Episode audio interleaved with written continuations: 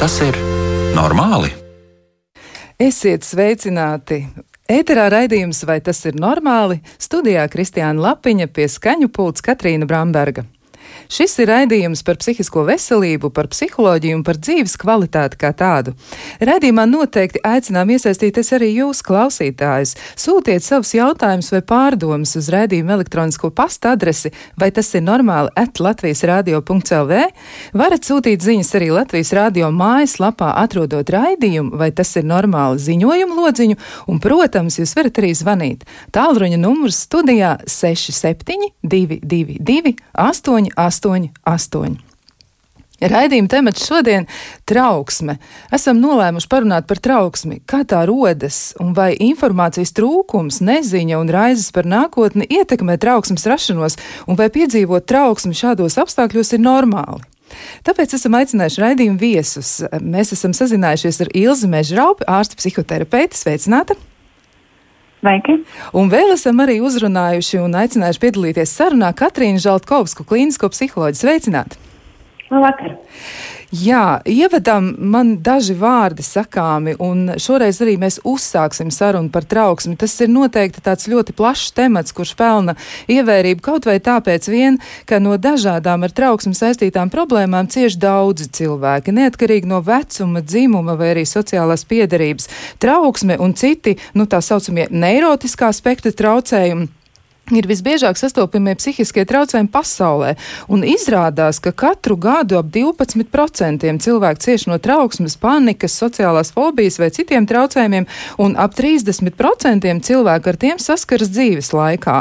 Un izrādās arī, ka savu laiku valsts pētījuma programmas biomedicīna 2015. gadā veiktajā pētījumā konstatēts, ka trauksmes traucējumi tajā brīdī ir bijuši 16,1% cilvēku, kas apmeklējuši ģimenes ārstu, un biežāk Visbiežākie traucējumi veidi saistībā ar trauksmi tātad ir bijusi agorafobija 8,1% un tā saucamā ģeneralizētā trauksme, un tur rādītājs ir 6,1%. Un izklausās ļoti, ļoti iespaidīgi skaitļi, un šķiet, ka Paiet dažiem gadiem un situācijai mainoties, ja, nu, esot tādā situācijā, kādā esam mēs šobrīd, ir tā, ka droši vien ir vērts runāt par trauksmi un saprast, kas tad īsti ir kas. Šoreiz mēs runāsim par trauksmi kā fenomenu un vairāk pievērsīsimies tām trauksmes formām, kuras ir saistītas tieši ar to veidu, kā cilvēki rēģē uz spriedzi, un eh, varbūt arī, ko rada informācijas trūkums, neskaidrība, tādas bāžas par nākotni un ilgstoši ierobežojumi, kur arī varētu izraisīt izraisīt vai uzturēt trauksmi. Un tālāk arī pirmais jautājums, un to es uzdav, uzdošu doktorai Mežraupei. Sakiet, lūdzu, kā rodas trauksme? Mm, jā. Uh, būtībā, protams, varētu runāt ka par kaut kādiem bioķīmiskiem mehānismiem, kas ar, ar ko nodarbojas zinātnieki un, un pēta un nozīmē medikamentus. Bet tā realitāte ir tāda, ka uh, trauksme būtībā rodas, teikt, mūsu galvās. Jo uh, cilvēkiem, kam ir tendence uz uh, trauksmi, būtībā uh, bieži vien jau uh, tas satraukums vai trauksmes sajūta ir, jau, uh, ir pārmērīgāks un lielāks par to konkrēto situāciju. Uh, piemēram, piemēram Uh, kā tas varētu, piemēram, varētu iedomāties, kad bērns, um, bērns kaut kur dzirdējis, kad ir kāds vecāks, piemēram, pazudis vai nav atnācis mājās, laikā un kaut kas ir slikts noticis. Un tad kādas dienas pēc tam šī bērna vecāks kavējas un, un varbūt nevar atbildēt uz telefonu zvanu vai kā. Un bērns šajā brīdī automātiski pats jau dzīvi izfantāzēt to, kad ir notiks liela nelaime, kad ir uh, kaut kas slikts noticis ar vecāku, un uh, šis ir pirmā situācija, kad viņš ļoti satrauc. Un, uh, varbūt arī tā, ka pēc tam atkārtot un atkārtot, uh, saskaroties ar situācijām, kad kāds kavē vai neierodas šīs sajūtas, ka varētu notikt kaut kas jauns, turpinās, bet realitāte ir tāda, ka šī tas viss ir reāli iz, izfantasēts. Situācija ir tāda, kāds kavējās, kāds neatnāk, kāds neatbild uz zvanu. Bet uh, trauksmes mehānisms jau ir palaists. Nu, tā, tā, tā, šis ir ļoti vienkāršs piemērs, bet reāli ir tā, ka mēs parasti cilvēku uztraucas jau varētu teikt arī par to citiem iepriekšējiem pārdzīvojumiem. Mēs par konkrēto situāciju tik daudz vairs. Tātad tas ir kaut kas, kas ir saistīts ar iepriekšējo pieredzi, acīm redzot, ja tā es pareizi saprotu. Jā, Jā. Tad, tad, bet ja jau mēs trauksmi vispār varam izjust, nu, un ja mēs to varam piedzīvot, tā tad ir taču kaut kāda nozīme tam, kāpēc vispār mēs spējam trauksmi piedzīvot. Kas ir tas pamata uzdevums trauksmē vispār, ja mēs jautājam tā, kāpēc tad mums vajadzētu trauksmi piedzīvot? Jā. Būtībā trauksme kā tāda mums ir aizsarga mehānisms. Jo, ja mēs nesatrauktos, tad patiesībā civil, mēs jau nebūtu nodzīvojuši līdz šodienai. Jau jau akmens laikmetā civilizācija būtu beigusies. Jo pirmais trauksmes situācija, mēs uztraucamies, mēs um, arī varētu teikt, uzmanamies, lai, lai nebūtu kādas briesmas un sagatavojamies aizsardzībai. Uh, Un uh, akmens laikmetā tas bija būtiski zināt un uh, varētu teikt, reaģēt atbilstoši situācijai, bet šobrīd jau uh, nu, lielā mērā mēs bieži vien saskaramies ar to, ka mēs baidamies daudz vairāk nekā ir reālā situācija. Jā, bet tomēr šķiet, ka tā situācija, kurā mēs atrodamies pašlaik, un ja mēs domājam par 2021. gada sākumu, joprojām ir ļoti daudz jautājumu, kas satrauc cilvēkus. Vai tas varētu būt iemesls, kāpēc trauksmes mehānisms varētu tikt palaists? Kā jūs domājat? Jā. Es domāju, ka ir pirmkārt mums noteikti nu, pati tā situācija ar šo Covid-19 ir nenormāla situācija, protams. Un, uh, tie cilvēki, kuriem jau ir predispozīcijas trauksme, protams, jūtas izjūt daudz lielāku diskomfortu nekā tie, kas pēc būtības, pēc sava rakstura ir daudz drošāki. Bet uh, vienlaicīgi, ar ko mēs saskaramies, kad mums ir, mums ir ļoti daudz, nenormāli daudz informācijas. Ja kaut vai pirms 50 gadiem bija jāsagaida, kamēr atnesīs avīzi, un tad tu kaut ko uzzināsi un izlasīsi, un labākā gadījumā zināji varbūt to, kas notiek kaimiņos, tavā ciemā, tavā darba vietā, un tās uh, briesmas bija kaut kur tālāk. Tad šobrīd mums tā informācija būtībā gāžas kā lavīna katru dienu, un ja mēs gribam, mēs varam atrast vēl vairāk iemeslus, no kā baidīties un par ko satraukties. Jā, tā tad iemesli tiešām ir diezgan daudz. Jūs teicāt, informācijas ir ļoti daudz, bet tikpat labi varētu būt arī situācija, kad informācija pietrūkst. Un te nu man gribas iesaistīt arī Katrīnu Žaltkovsku mūsu sarunā un jautāt, nu kā tad tas nākas, ka cilvēki izvērtējot situāciju jūtas kaut kā ne tā? Kā tas ir? Kas ir, kas ir trauksmes pazīmes, ja tā var teikt, ir simptomi? Kā atpazīt trauksmi vispār kā tādu? Mm -hmm. Uh, jā, uh, es domāju, tas ir labs jautājums. Un, un, kā es parasti mēģinu kopā ar saviem klientiem saprast, uh, nu, vai, tad, vai tad tā ir trauksme, ko, ko šis cilvēks izjūta, ir uh, šī fiziskā puse, fiziskie simptomi, um, kā piemēram pastiprināta sirdsdarbība, pastiprināta elpošana. Um, mēs varam izjust svīšanu, kad pastiprinās karsti augsti. Citreiz cilvēki sūdzās, ka ir tāda kā spiediena sajūta krūtīs, citreiz liekas, ka domas skrien pa galvu vai ka ir tāda pilnīga dūla sajūta galvā un pat grūti padomāt. Tās bieži tās fiziskās puses, uh, ko, ko pamanu un iespējams. Uh, ārsti varētu papildināt ar vēl kādiem simptomiem, ko es neminēju. Uh, un ar ko bieži vien cilvēks iesākumā nonāk nu, jā, pie, pie ārsta un, un pēc tam pie vai nu, psihologa vai, vai psihiatra vai psihoterapeita.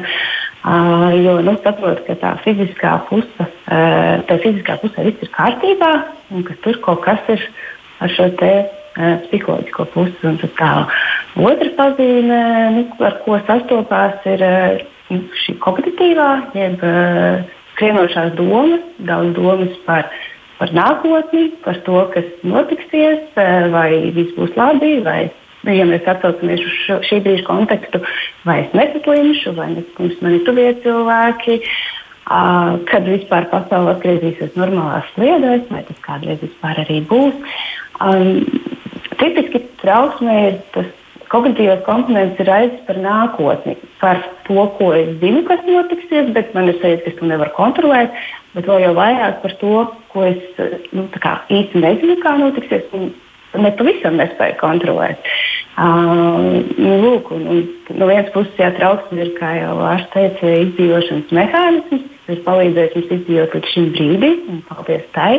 Bet uh, tiešām piekrītu tam mūsdienas mūsdienu pasaules skrējienam, informācijas daudzumam un tieši šim brīdim tie faktori, ka var cilvēkam var būt spēcīgāks trauksmes izpausmes, vairāk rešu un domas ir pilnīgi objektīvi. Un tie procenti, es neesmu ieskatījusies precīzi pētījumos, bet nu, tie, tas, ka ziņo, ka šī trauksme ir pieaugusi krietni populācijā, tas ir pilnīgi skaidrs.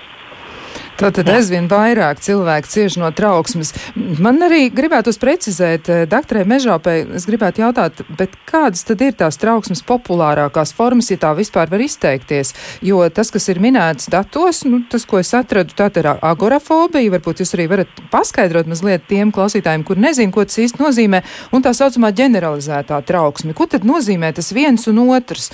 Un vai tas varētu mm -hmm. būt saistīts ar neziņu vai tādu, nu, tā sajūtu, ka man īsti nav labi un es no kaut kā, par kaut ko esmu nobažījies. Tātad, kas ir agorafobija un kas ir ģeneralizēta trauksme? Uh -huh. uh, nu, būtībā tā uh, agorafobija ir. Uh, nu, fobijas ir konkrētas uh, bailes no kaut kā. Vienkāršot, ja? Un tad uh, agorafobija ir tāda uh, skaidri nosakāma grupa, kur ir raksturīgi vairāk atstāt māj, bailes atstāt mājas, piemēram, bailes no drūzmas, no sabiedriskām vietām, vietām, kur ir daudz cilvēku, vai tādām slēgtām vietām kā vilcieni, autobus, lidmašīnas. Un uh, arī pie agorafobijas, protams, var būt arī šī panikas lēkmes un Um, bieži vien uh, lielākoties šī nu, cilvēki, kas to izjūt, vai nu viņi vēršas pie ārsta un meklē palīdzību, vai arī uh, kas ir mazāk, kas būtu arī tā darāms. Bet uh, ir cilvēki, kas vienkārši iemācās tādu izvairīgu uzvedību, un viņi nekur neiet vai izslēdz šī, šo vietu apmeklējumu. Līdz ar to viņi varētu teikt, sociāli izolējas, um, ņemot vērā šo Uh, slimību vai stāvokli, savu fobiju par tādu dzīves centrālo asi. Tāda. Savukārt, ģeneralizētā trauksme tā ir tā ilgstoša vispārēja trauksme, kur, kur pat nekādas konkrētas apstākļus varētu nenoteikt. Un, un tās sūdzības ir tādas par nervozitāti, trīci, arī šo sasprindzījumu dažādi eh, fiziski simptomi līdzīgi. Arī baiļu sajūta, bažīgums, arī šī nelaimes priekšnojauta, piemēram. Tad tas izklausās tā, ka agorafobija tātad tas būtu kaut kas konkrētāks, tur mēs varētu Jā. saprast, kas tas ir, un tad Jā. Eh, savukārt ģeneralizētā trauksme, kas laikam izskatās tā forma, kas varētu būt saistīta ar to, ka es nezinu, kas notiks rīt un raizējos, Jā. un, un raizējos balstoties uz iepriekšēju pieredzi, nu tad tas varētu būt tāda kaut kāda tāda mm. vispārīga nepatīkama sajūta. Jā, bet eh, nu tad vēl arī jautājums ir, kā tad to atšķirt, kurā brīdī es saprotu, ka tas man ierobežo, jo, ja jūs teicāt, nu, fobija, agorafobija, tātad cilvēks neiet ārā, viņš paliek mājās, viņš sociāli izolējas. Bet kā tad mm. saprast, kad man ir tā trauksme, tā, nu, tā, tā situācija, kad vajadzētu kaut ko darīt? Kurš ir tas brīdis, mm. kad to saprot cilvēks?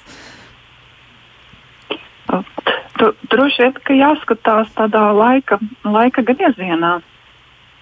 Jo, nu, piemēram, ja, ja, ja teiksim, ir cilvēkam kaut kāda dzīves ritms, nu vienalga vai tas ir pusaudzis, kurš iet uz skolu vai, un, un ir savs dzīves ritms, vai pieaugušais, kurš jau studē vai strādā, un, un tad uh, sākas šie simptomi. No sākuma tam varbūt nepievērš uzmanību vai pievērš uzmanību, bet ja, ja šie simptomi vai šie stāvokļi, trauksmes stāvoklis sāk traucēt reālo dzīvi, traucē iet uz darbu, mācīties, draudzēties, attiecībās traucēt, tad tas arī būtu brīdis, kad ir uh, noteikti jāvērš pie speciālista pēc palīdzības. Jā, tad vēlreiz arī jautājums Katrīnai Žaukovskai, kā tad ir tie cilvēki, kur vēršas pēc palīdzības? Kas ir tas, ko viņi saka? Nu, kā tad trauksme viņiem traucē? Kas ir varbūt daži piemēri, tādi reāli piemēri no dzīves, kā tieši tas izskatās, par ko viņi sūdzas? Mhm.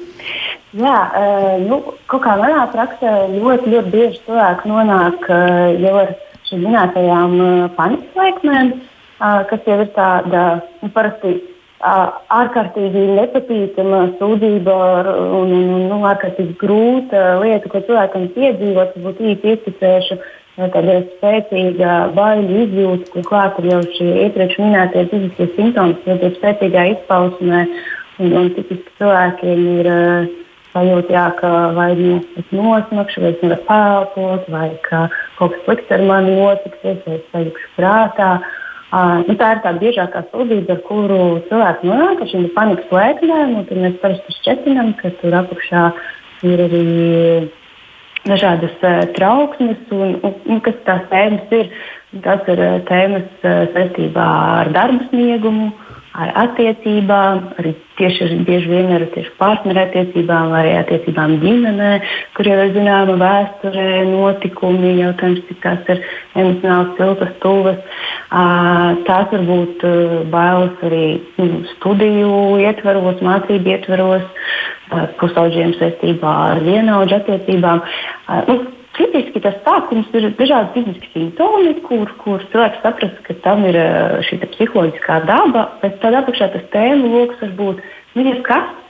Uz doto brīdi, piemēram, ļoti daudzi izjūta veselības trauksmes, kas ir ka pastiprināti jūt dažādus simptomus, kuriem īstenībā nav šī fiziskā pamatojuma, vai saka, ka jūt līdzīgs simptoms, piemēram, Covid-am, bet skaidrs, ka nav šī Covid, uh, jo ir tik liels bailes saslimt, un tās, tās ķermenis rēģē, un mēs tos simptomus interpretējam nepareizi. Tad nāk, jā, pie psihologa terapeita, nu, saprast, kā, kā ar to strādāt. Um, jā, tie, tie var būt tādi piemēri, kas man nāk prātā. Varbūt, jā, Kristiāna, var pajautāt, kad precīzāku jautājumu. Vēl kaut ko, jā. jā. jā.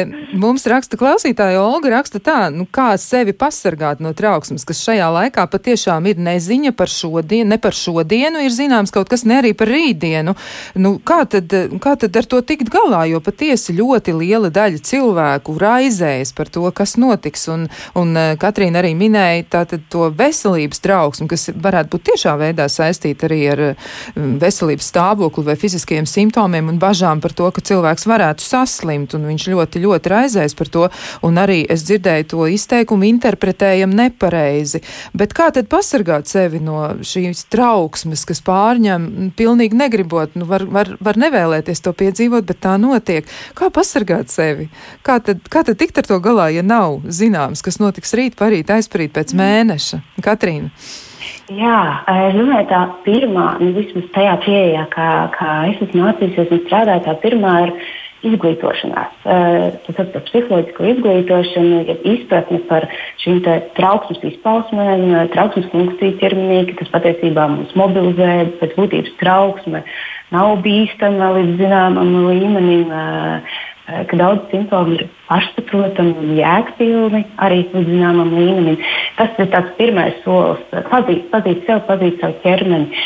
Bet, eh, nu, ja mēs atsaucamies tieši uz šo brīdi, tad uh, tie paņēmieni ir tādi, kuriem mēs ļoti daudz runā.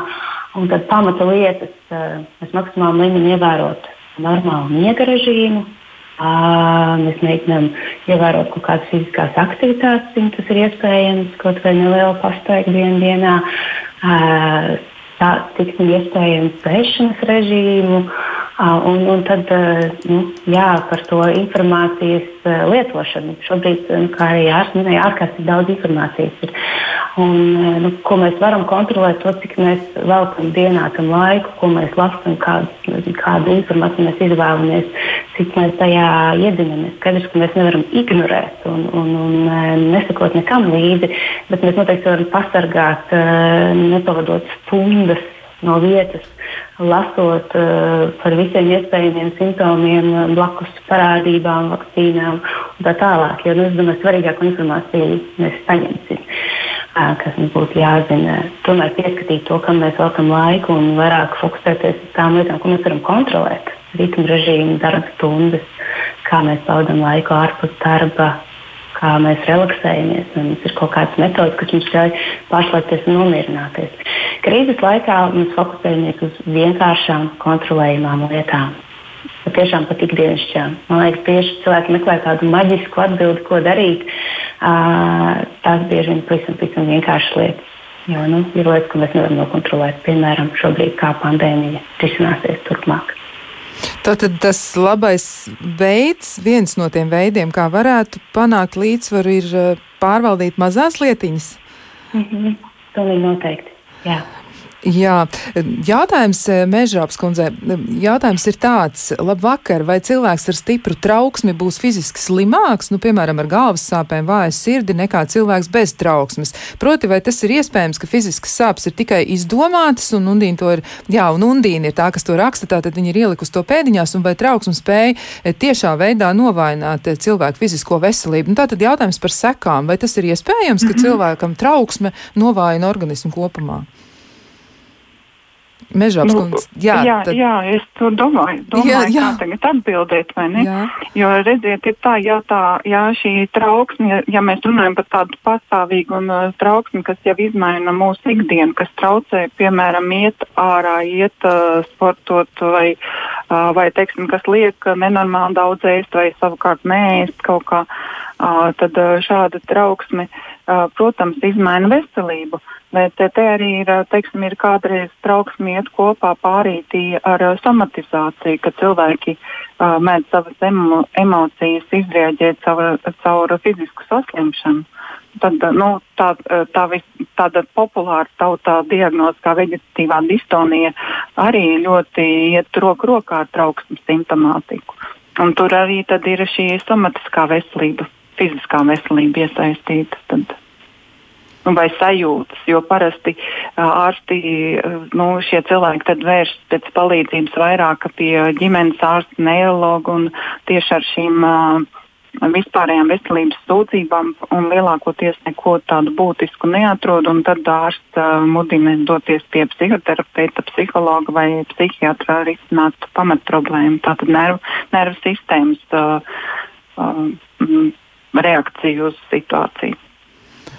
Tātad tas var ietekmēt eh, ķermeni kopumā. Mm. Tad mēs varam teikt, Jā. ka parādās kādi fiziski simptomi, bet eh, tad kurā brīdī jāsāk ir domāt par to? Tad, ja nav pamatojuma, nu, mēs nevaram atrast izskaidrojumu, tas varētu būt tāds. Ja, eh, saprotiet, ja, ja, nu, kā, ja pie ārsta vēršas uh, un ir sūdzības gan par eh, teiksim, fiziskiem simptomiem, gan par trauksmi, tad jebkurā gadījumā ārsta uzdevums ir arī no, uh, noskaidrot, vai šiem uh, somatiskajiem fiziskajiem simptomiem ir kāds pamats.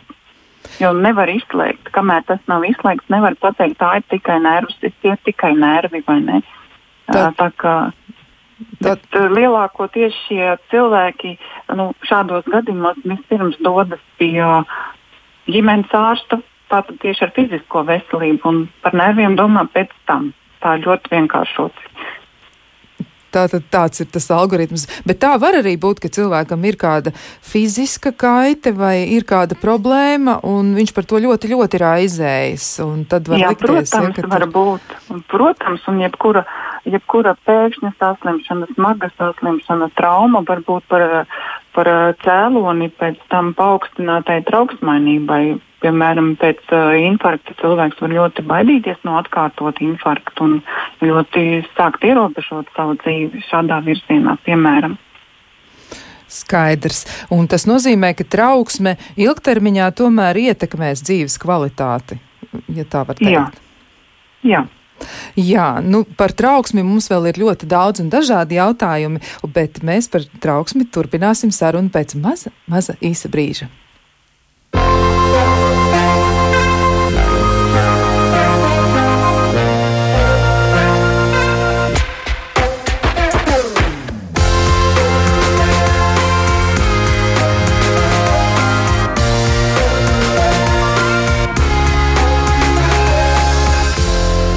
Vai tas ir normāli?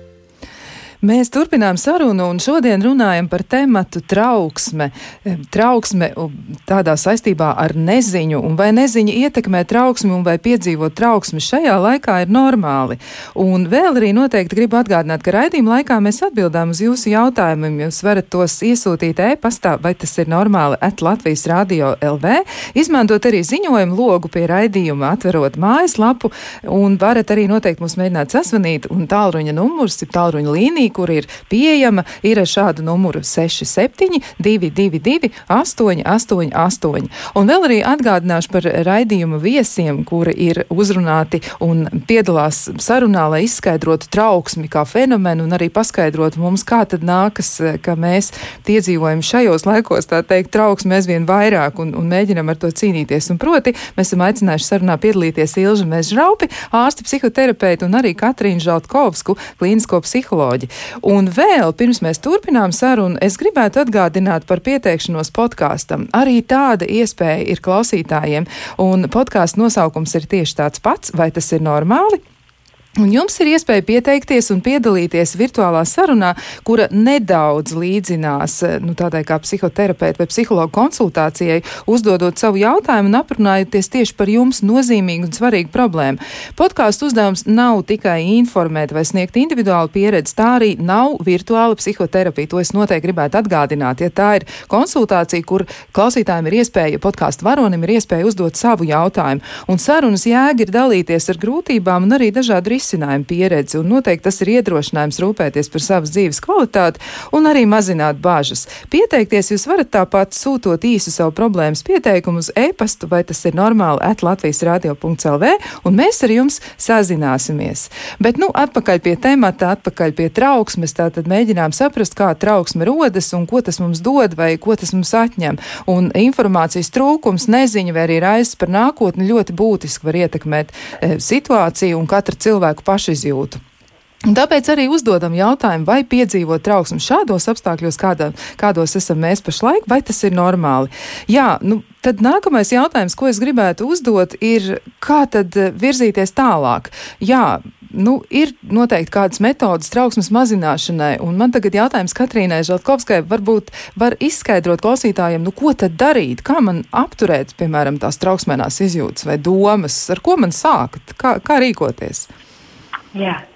Uh, nu, ja būtu tāda viena perfektā metode, kā izslēgt trauksmes uh, mehānismu, man liekas, viss būtu laimīgi, bet uh, patiesībā tā nav. Uh, es, es vienmēr sāku ar to, ka pirmkārt trauksme ir normāla mūsu dzīves sastāvdaļa. Un tieši kā jau minēju iepriekš, līdz zināmam līmenim, kamēr tā neietekmē tā pamatīgi mūsu ikdienas dzīves kvalitāti vai ir vairāk īslaicīga un pārvarama viss ir kārtībā. Un, un tas pirmais solis ir pišku sadraudzēties ar to trauksmi. Nu, protams, ir normāli šobrīd satraukties, ir normāli satraukties pirms svarīgas radiosarunas, jā, ir normāli satraukties pirms uzstāšanās, normāli satraukties ejot. Kādu satikšanos šobrīd ir normāli satraukties, nezinu, ejot uz veikalu un satiekot uz svešus cilvēkus. Uh, ko es šo gribēju parādīt, mazliet, mazliet normalizēt, uh, saprast, nu, kurās situācijās ir adekvāti nedaudz satraukties. Uh, nu, vai dažreiz pat varbūt vairāk satraukties. Uh, kāpēc tas ir svarīgi? Nu, tad, kad mēs sev normalizējam, nu, tā līdzīgi kā šobrīd saku skaļi, mēs sev sakam iekšēji klusiņām, ka šis ir ok. Tas, tas nav nekas nepareizs, tas nav nekas uh, slikts, kas notiek. Tas ir normāli satraukties. Uh, mēs jau nedaudz sevi nomierinām. Tad, kad mēs verbalizējam savas emocijas, savas izjūtas, kad mēs izskaidrojam, kas ir cišanās, publiski runājot, vai nezinu, pievienoties jaunā Zoom sarunā, kas šobrīd noteikti daudziem ir pamata uh, lieta, kā ikdienā komunicēt, ir ok satraukties. Uh, nu, tas būtu tas pirmais solis. Um, Skaidrs, nu, es domāju, atcaucoties uz iepriekšējo runāto, nu, tad, ja tā trauksme ļoti būtiski ietekmē ikdienas funkcionēšanu, tiešām es nevaru vairs piecelties no rīta, es nevaru iziet no mājas, es nevaru koncentrēties darbam, es nevaru nekam vairs pieslēgties. Ir nenormāli spēcīgas šīs veģetatīvās nervu sistēmas reakcijas. Ja. Nu, protams, ir, ir labi vērsties pie speciālista, pie ārsta un, un izvērtēt, tātad, vai tur nav kādi fiziski iemesli, vai, vai tas ir vairāk psiholoģiski, un tad saprast, kur tālāk meklēt to palīdzību. Bet nu, kas vēl būtu tādas mazas metodes, uh, ko dien, dienā var, uh, var izmantot? Nu, es jau iepriekš minēju šīs fiziskās aktivitātes, un kā es vienmēr saku arī saviem klientiem, nu, na, tas nenozīmē tagad iet paņemt smagākos svarus un trīs stundas mocīties. Nu, jā, šobrīd ne sporta zālē, bet varbūt mājās. Tas varbūt arī pastaigas, tās var būt uh, aktīvas darbības, nezinu, mājas tīrīšana, aktīva. Darīt kaut ko mēreni fizisku. Tas arī tas palīdz uh, stabilizēt to nervu sistēmu, tas palīdz mazliet novērst domas, iespējas no tā, par ko mēs satraucamies. Uh, un, un uh, fiziskas aktivitātes mums liek justies labāk. Šeit dabu neapmānīs. Ja mēs kustamies, ja mums ir tāda iespēja, tas noteikti palīdzēs. Tas noteikti palīdzēs. Jā, jā. Nu, tad tas nākamais, jā, tad vairāk domājot par to, kas notiek galvā, jo trauksmes tāds ne, viens komponents ir šī kognitīvā puse, ko mēs domājam par situāciju, par to, kas notiksies. Nu, sākt mazliet papētīt tās savas domas, kas tur galvā notiek. Vai man ir domas, ka uh, Nezinu, es noteikti izgāzīšos, vai man ir domas, ka es simtprocentīgi nu, saslimšu ar covid pienu šobrīd, vai man ir domas, ka es netikšu galā ar šī brīža režīmu un spriedzi, vai netikšu galā ar bērniem, kuri mācās no mājām. Kas notiek tajā galvā? Un mazliet izaicināt tās domas, okay, kas to pierāda, kas to apgāž. Jo bieži vien tās mūsu automātiskās domas, tā mēs viņus saucam, viņas uh, ir nu, tādas daļēji patiesi. Tur mēdz būt daudz patiesības, bet tur mēdz būt arī daudz tādas subjektīvas interpretācijas. Un mums, mums, prātam, ļoti patīk katastrofizēt un redzēt visus, visus, visus negatīvākos scenārijus. Un te mums tās domas ir jāķerēs astes un to jājautā, pagaidi, pagaidi, vai, vai tā ir realitāte? Un pat ja tā ir, ko es varu kontrolēt? Kas ir manā varā. Jo kas mums trauksme, ar ko mums trauksme saistās, nu, ka es to nekontrolēju, un tad man ir jābūt mobilizētam, tad man jābūt trauksmē, lai kaut ko sāktu kontrolēt. Un bieži mēs mēģinām kontrolēt to, ko nevar. Lasot intensīvi ziņas par covid, mēs mēģinām kontrolēt kaut ko. Daudz efektīvāk noteikti būs, ja mēs domāsim, kā mēs varam parūpēties par sevi, par savu ikdienu, par saviem tuvajiem un, un par savu labsajūtu un veselību, ne tik daudz, kas ko mēs varam izdarīt varbūt pasaules vārdā šobrīd. Uh, nu, tas man tāds viens piemērs minēt prātā. Tas jautājums, ko es varu kontrolēt, kā es sev varu palīdzēt tagad. Jā. Uh, ir kāds lasītājs zvans? Sveicināti, mēs klausāmies! Nē, izskatās, ka tomēr par vēlu. Nekas, mēģiniet mums sazvanīt vēl. Jā, man gribētos jautāt arī doktorai Mežaupē, bet vai varētu tā būt? Ka ir kādi fiziski simptomi, kas eh, nu, ir saistīti ar trauksmi, bet mēs tos uzreiz neatpazīstam. Nu, nezinu, varbūt gribas kādam cilvēkam vairāk ēst pēkšņi, vai arī viņš nu, nevar, jā, varbūt jūs minējāt arī miega traucējums, bet vai ir kaut mm. kas tāds, kas nu, liecina, ka tā drīzāk ir trauksme, es raizējos par kaut ko ļoti, jo man tiešām ir bāžas par nākotni un par, par darbu, par, par daudzām lietām. Vai ir fiziski simptomi, kas drīzāk varētu būt trauksmes pavadoņi nekā paši par sevi tādi nu, tiešām mm. nopietni? Uh, teiksim, šobrīd es gribētu nodalīt šos ļoti izteiktos simptomus, par kuriem kolēģi jau runāja, par, kas ir raksturīgi tādai ļoti generalizētai trauksmei, panikas lēkmēm un tādu. Bet par ko ir jādomā ikdienā, varbūt daudziem cilvēkiem, kas vispār patiesībā to savu trauksmi vai sasprindinājumu ārēji nepauž un nejūt bet, eh, piemēram, ar eh, sprandas stīvums, galvas reipoņi, plecu joslas saspringtinājums, tie ir tādi arī tādi eh, cilvēki varbūt vēršas pie neirologa vai pie ģimenes ārsta ar šādiem simptomiem, bet patiesībā var, iespējams, ka tas ir saistīts ar milzīgu stresu un sasprindzinājumu ikdienā.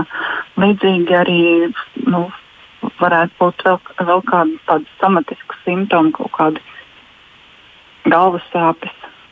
Kas, jo tā slēptā trauksme izraisa re, organisma reakciju un līdz ar to rodas šie simptomi. Jā, skaidrs. Tā tad simptomi varētu būt nu, tie, kas laikam paziņo par kaut ko. Ir kāds Jā. lasītājs zvans, mēģināsim uzklausīt.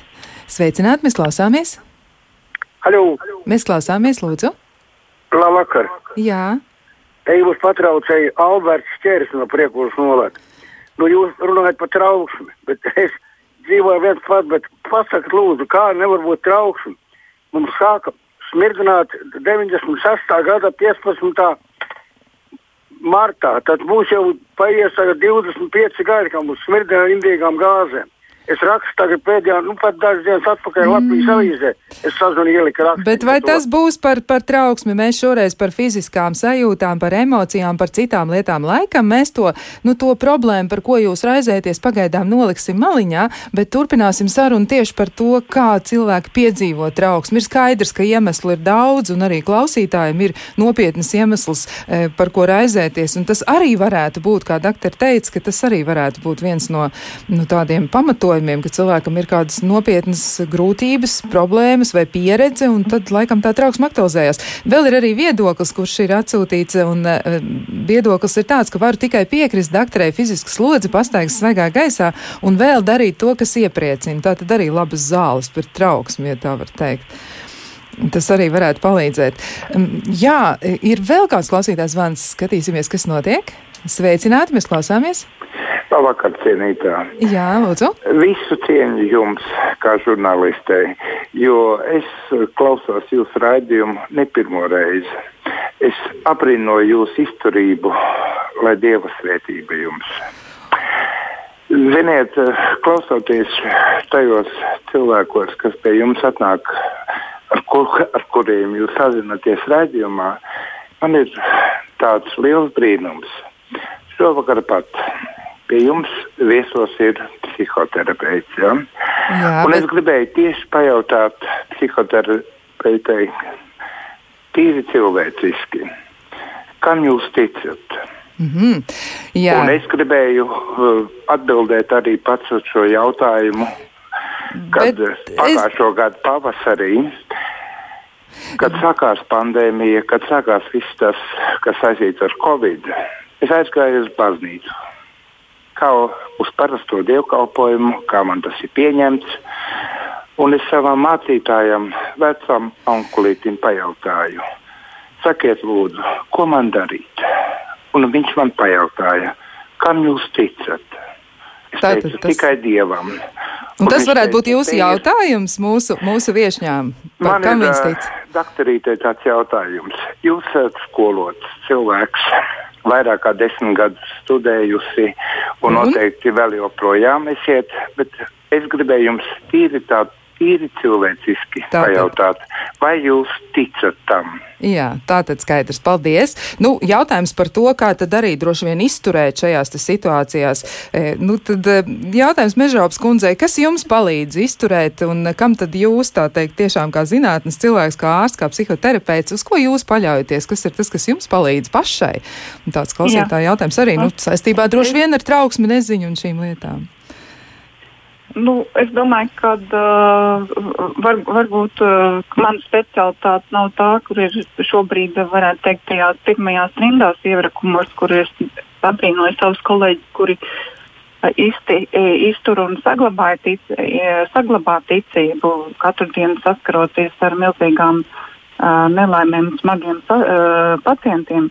Bet, uh, bet nu, palīdz man tā doma eh, par domu, ka es varu darīt tikai to, ko es varu izdarīt. Un eh, arī šo situāciju reāli, reāli pieņemt un eh, censties ievērot to, ko es varu un vajag ievērot. Un eh, tas varētu ietekmēt šo notikumu virzību. Jā, Satraukšanās vai papildus informācijas lasīšana jau neizglābs. Izglābs tas, ja mēs to varēsim ievērot un rīkoties atbilstoši situācijai. Jā, jā nu, ļoti jauka atbilde, manuprāt, un arī tāda visaptveroša savā ziņā. Droši vien, ka tas varētu palīdzēt arī citiem cilvēkiem un klausītājiem tieši par to, nu, ka, ka, jā, ka, ka jāsaglabā tā spēja mums pārvaldīt vismaz dažas lietas. Un izskatās arī, ka klausītājiem ir līdzīgs viedoklis. Mums viena no klausītājiem raksta labvakar, atsaucoties uz teikto par trauksmes normalizēšanu un par lietām, ko mēs varam un nevaram kontrolēt. Vai cilvēkam izvēlēties darbu un dzīvesveidu, kas mazina trauksmi, vai arī tā būtu bēgšana no problēmas. Un vai cilvēkam kārtot, kā sakārtot to savu dzīvi ap trauksmi vai trauksmi ap dzīvi? Nu, tad varbūt varētu sākt ar dr. Mežraupas atbildi, un pēc tam arī Katrīna Žalkovska varētu pievienoties. Tātad pirmais jautājums, vai cilvēkam izvēlēties darbu un dzīvesveidu, kas mazina trauksmi, un vai tā ir bēgšana no problēmas? Kā tas o, ir? Tu, tu droši vien varētu arī nosaukt par uh, sublimāciju. Protams, uh, ja, ja bēg, to mēs varam saukt par bēgšanu, bet var, uh, nu, tas, ko mēs varam darīt, mēs varam arī, protams, strādāt un mainīt dzīvi, bet uh, laikam ir, nu, tam arī nevajadzētu būt kaut kāda uh, paniski un uh, nelīdzsvaroti. Bet, Jā. bet, Bet varētu tā būt, ka cilvēks izvēlas tādu darbu vai dzīvesveidu, kas samazina trauksmi, vai, vai, vai tomēr vajadzētu sevi izaicināt, jeb, ja tas ir ļoti grūti, tad varbūt tomēr nu, darīt tādas lietas, kas sagādā prieku, tā kā mēs te runājam arī par tām mazajām lietiņām.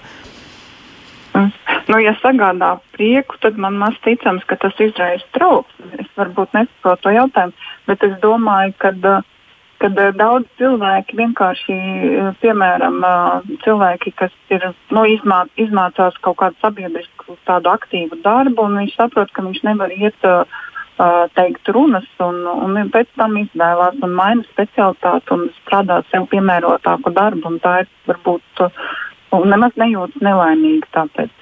Jā, tātad tas varētu būt arī risinājums. Jā, Jā. cilvēki šobrīd brauc uz laukiem, strādā attālināti, arī tā ir pielāgošanās. Tā tad tomēr, nu, tad laikam var nevainot sevi par to, ka ja izvēlas kaut ko, kas rada mazāku spriedzi, jo jūs aprakstījāt ļoti, man liekas, tādu m, precīzu situāciju, ka varētu tā būt, ja cilvēks izvēlas publisku darbu, pēc tam izrādās, ka viņam ir lampu drudzes, viņš nekādu to nevar pārvarēt.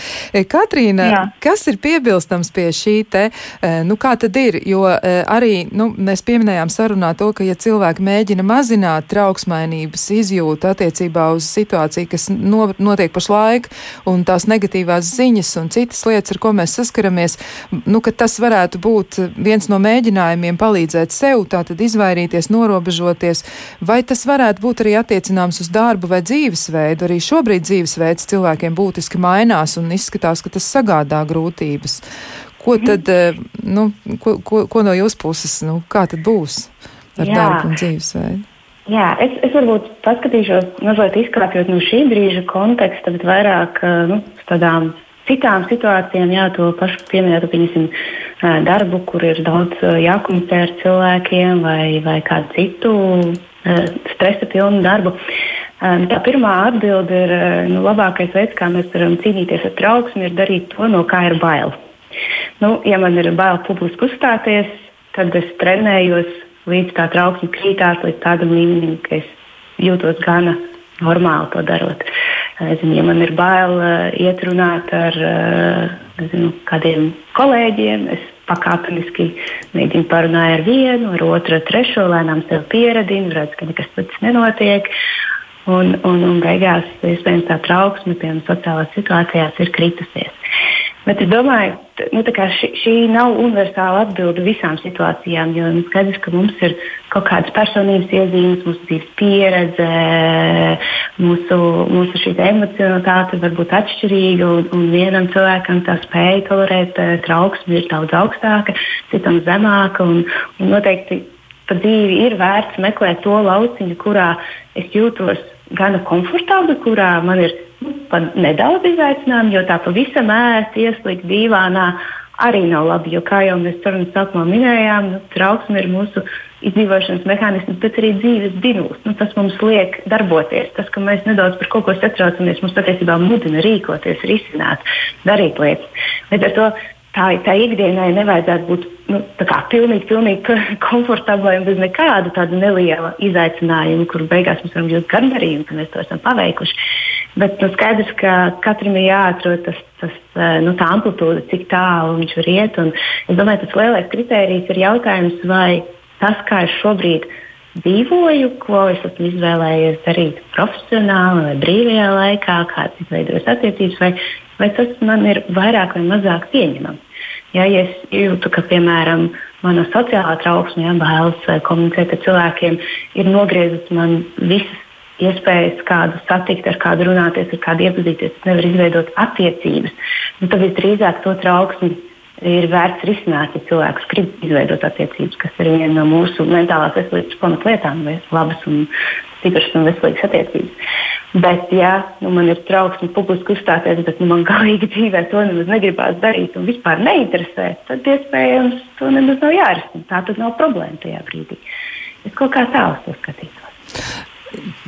Tas varētu būt ļoti noderīgi. Nu, tad mans jautājums, varbūt eh, mēģiniet to tā nu, noformulēt tādā ieteikuma formā, bet nu, vēlams arī tā, tā tiešām tā kodolīgi, ja vien tas ir iespējams, lai klausītājiem ir iespēja to paturēt prātā un arī izmantot. Nu, tāda viena minūte vienai, mm, vienai sarunbiedrenei un, un otra minūte arī otrai. Tātad viena vien minūte ārstei, psihoterapeitei Ilzai Mežaupē, un tad Katrīnai Žaltkovskai arī dodam laiku. Tādi ieteikumi, nu, ļoti, ļoti konkrētas lietas, ko cilvēki varētu darīt, lai mazinātu trauksmes izjūtu, jo tiešām apstākļi ir mainījušies, un katru dienu mēs uzzinām kaut ko jaunu, katru dienu parādās ierobežojumi vai ierobežojumi izmaiņas, un, un to mēs saistām arī ar nākotni. Nu, kā tad ir? Ko tad mums darīt? Varbūt eh, sāksim ar, eh, ar, ar doktoru Mežraupi. Kas būtu jūsu ieteikums klausītājiem? Mm. Nu, pirmkārt, es ieteiktu tā, tā godīgi sev pajautāt, par ko tad es īsti uztraucos, kas tiešām mani uztrauc. Kā šī situācija varētu mani apdraudēt, kāpēc ir šis satraukums.